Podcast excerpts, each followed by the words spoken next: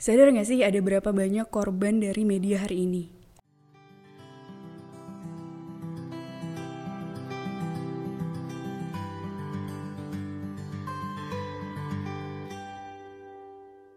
Ada berapa banyak anak-anak yang jadi rusak otaknya karena mengkonsumsi pornografi?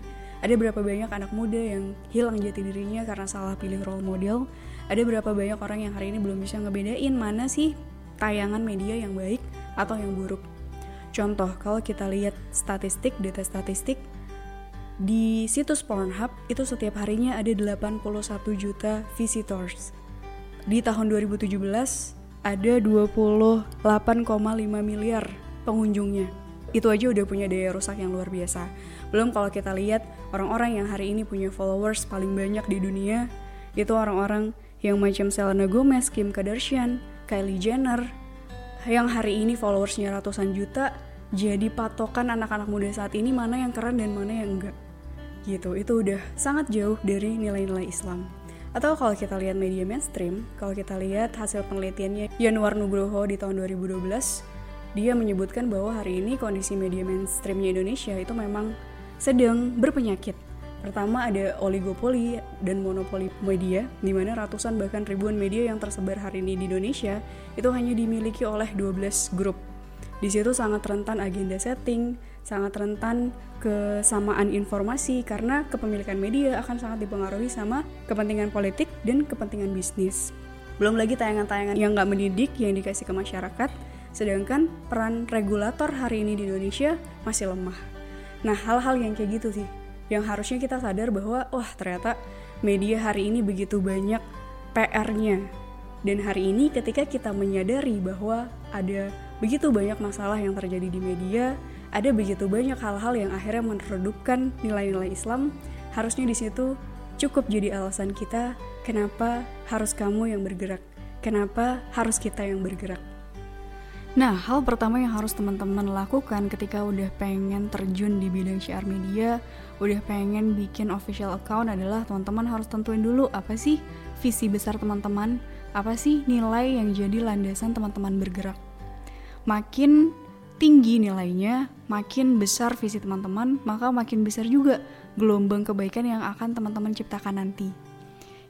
Jadi jangan sampai kita bikin official account tujuannya buat oh buat popularitas, atau buat hal-hal yang sifatnya materi misalnya pengen nanti bisa ada endorsement dan sebagainya sebenarnya hal itu juga boleh gitu karena emang kita tetap membutuhkan itu tapi tidak untuk dijadikan landasan kita bergerak contoh ada social movement yang keren banget di Palestina. Saking kerennya gerakan sosial ini foundernya ini sampai bisa bikin eh, anak-anak uh, muda remaja-remaja yang tadinya cuma nongkrong-nongkrong doang kerjaannya jadi berani untuk berjuang maju ke depan tentara Israel cuma model batu doang.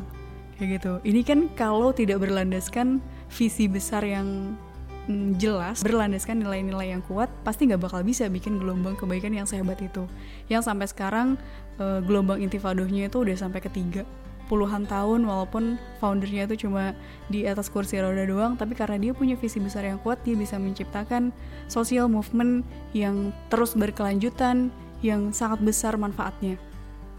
Nah hal itu juga yang harus kita miliki gitu dari sekian banyak masalah yang terjadi di bumi ini kira-kira masalah apa nih yang pengen kita solve dari media kita contoh misalnya akun Teh Jasmine oh itu visi besarnya adalah uh, untuk edukasi teman-teman muslimah agar tidak mengalami krisis identitas, agar bisa lebih dekat sama Allah dan Rasulullah. Atau waktu itu aku sama teman-teman juga pernah bikin gerakan sosial namanya Untold Story. Itu visi besarnya adalah untuk edukasi teman-teman terhadap isu Palestina, penjajahan Palestina dan Israel. Gitu atau misalnya uh, proyek seni tinggal di bumi. Oh, itu visi besarnya adalah untuk mengedukasi teman-teman millennials tentang sirah nabawiyah karena ternyata masih banyak banget yang belum tahu dan bahkan belum mengenal gitu padahal itu adalah hal-hal yang sangat urgent gitu jadi uh, hal pertama yang harus teman-teman lakukan adalah tentukan visi besarnya.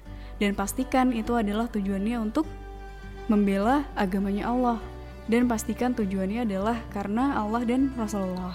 Karena sayang banget kalau kita capek-capek uh, terjun di bidang media. Kan capek ya kalau kita bikin konten terus ngerencanain segala macem. Tapi ternyata nggak ada pahala di sana. Ah itu sayang banget sih. Gitu terus Nah, kalau udah tahu visi besarnya apa, tentuin juga goalsnya apa sih gitu. Jadi jadi dari masalah-masalah, tentuin juga tujuan-tujuannya apa. Oh, tujuannya aku pengen lebih banyak lagi muslimah yang bisa lebih dekat sama Allah dan Rasulullah. Oh, aku pengen lebih banyak lagi orang yang aware sama isu Palestina. Gitu. Terus tentuin juga target keberhasilannya. Nah, ketika kita ngomongin target keberhasilan ini, kita harus berani bikin target yang segila mungkin. Istilahnya adalah exit the comfort zone makin kita berani untuk exit the comfort zone, makin kita bisa tergerak untuk melakukan hal yang lebih. Kayak gitu. Sama halnya misalnya kayak hari ini impian tertinggi kita hari ini apa sih gitu. Misalnya, oh aku pengen masuk surga Firdaus. Beda halnya orang yang ngeset goals pengen masuk surga Firdaus sama masuk surga yang terendah. Pasti usaha yang dia keluarkan juga berbeda. Nah, sama juga kayak kita nentuin goals dari media yang pengen kita bikin kalau kita tentuin uh, targetnya tinggi, maka usaha yang kita lakukan pasti akan lebih besar. Daya kita berpikir pasti akan lebih tinggi lagi tuh muter otaknya, bakal lebih panas mikirinnya. Kayak gitu. Jadi go crazy aja buat nentuin target keberhasilan. Kayak misalnya dulu Jasmine aku targetin eh kita sampai akhir kepengurusan berapa ya dulu 20 ribu 20 ribu address ya gitu dan semua teman-teman kayak wah gila teh banyak banget mana mungkin dan sebagainya tapi ternyata di akhir kepengurusan itu bisa sampai lebih dari 20 ribu gitu jadi jangan pernah takut nah ketika kita uh, memutuskan untuk exit the comfort zone kita bakal uh, melalui tahap demi tahap untuk bisa sampai ke sana. Kenapa banyak orang yang hari ini milih di comfort zone? Kenapa? Karena pasti mereka ngerasanya semuanya aman dan nyaman gitu tapi kalau kita keluar pertama kita bakal menemui ketakutan yang pertama takut nggak bisa A, takut nggak bisa E, takut nggak bisa C, dan sebagainya. Di tahap ini, di tahap fear zone, teman-teman bakal menemukan banyak sekali alasan-alasan yang membuat kita tidak bergerak. Gitu. Tapi kalau terus dilanjutin, zona selanjutnya adalah kita learning zone. Akhirnya karena tadi kita menemukan berbagai macam masalah, akhirnya kita dituntut untuk menyelesaikannya. Gimana cara menyelesaikannya? Mau nggak mau pasti kita belajar. Aduh, tadinya aku nggak bisa motion grafis, jadinya belajar. Tadinya nggak bisa desain, tadinya nggak bisa nulis. Tapi karena ada pemaksaan di sana, ada keinginan untuk berbuat hal yang lebih baik, maka akhirnya kita jadi belajar, belajar, dan belajar baru akhirnya masuk ke tahap growth zone. Kita jadi punya skill-skill yang mungkin tadi di awal kita nggak punya, tapi karena kita mau untuk menuju ke sana, mau belajar, akhirnya skill-skill kita makin berkembang. Dan akhirnya siklus ini berulang lagi nih. Nanti bakal ada saatnya kita ada di growth zone, kita balik lagi ke comfort zone. Tinggal mental kita, apakah kita pengen terus belajar lagi, pengen terus ningkatin skill lagi, pengen terus ningkatin target-target keberhasilan kita, atau kita udah nyaman sama pencapaian kita.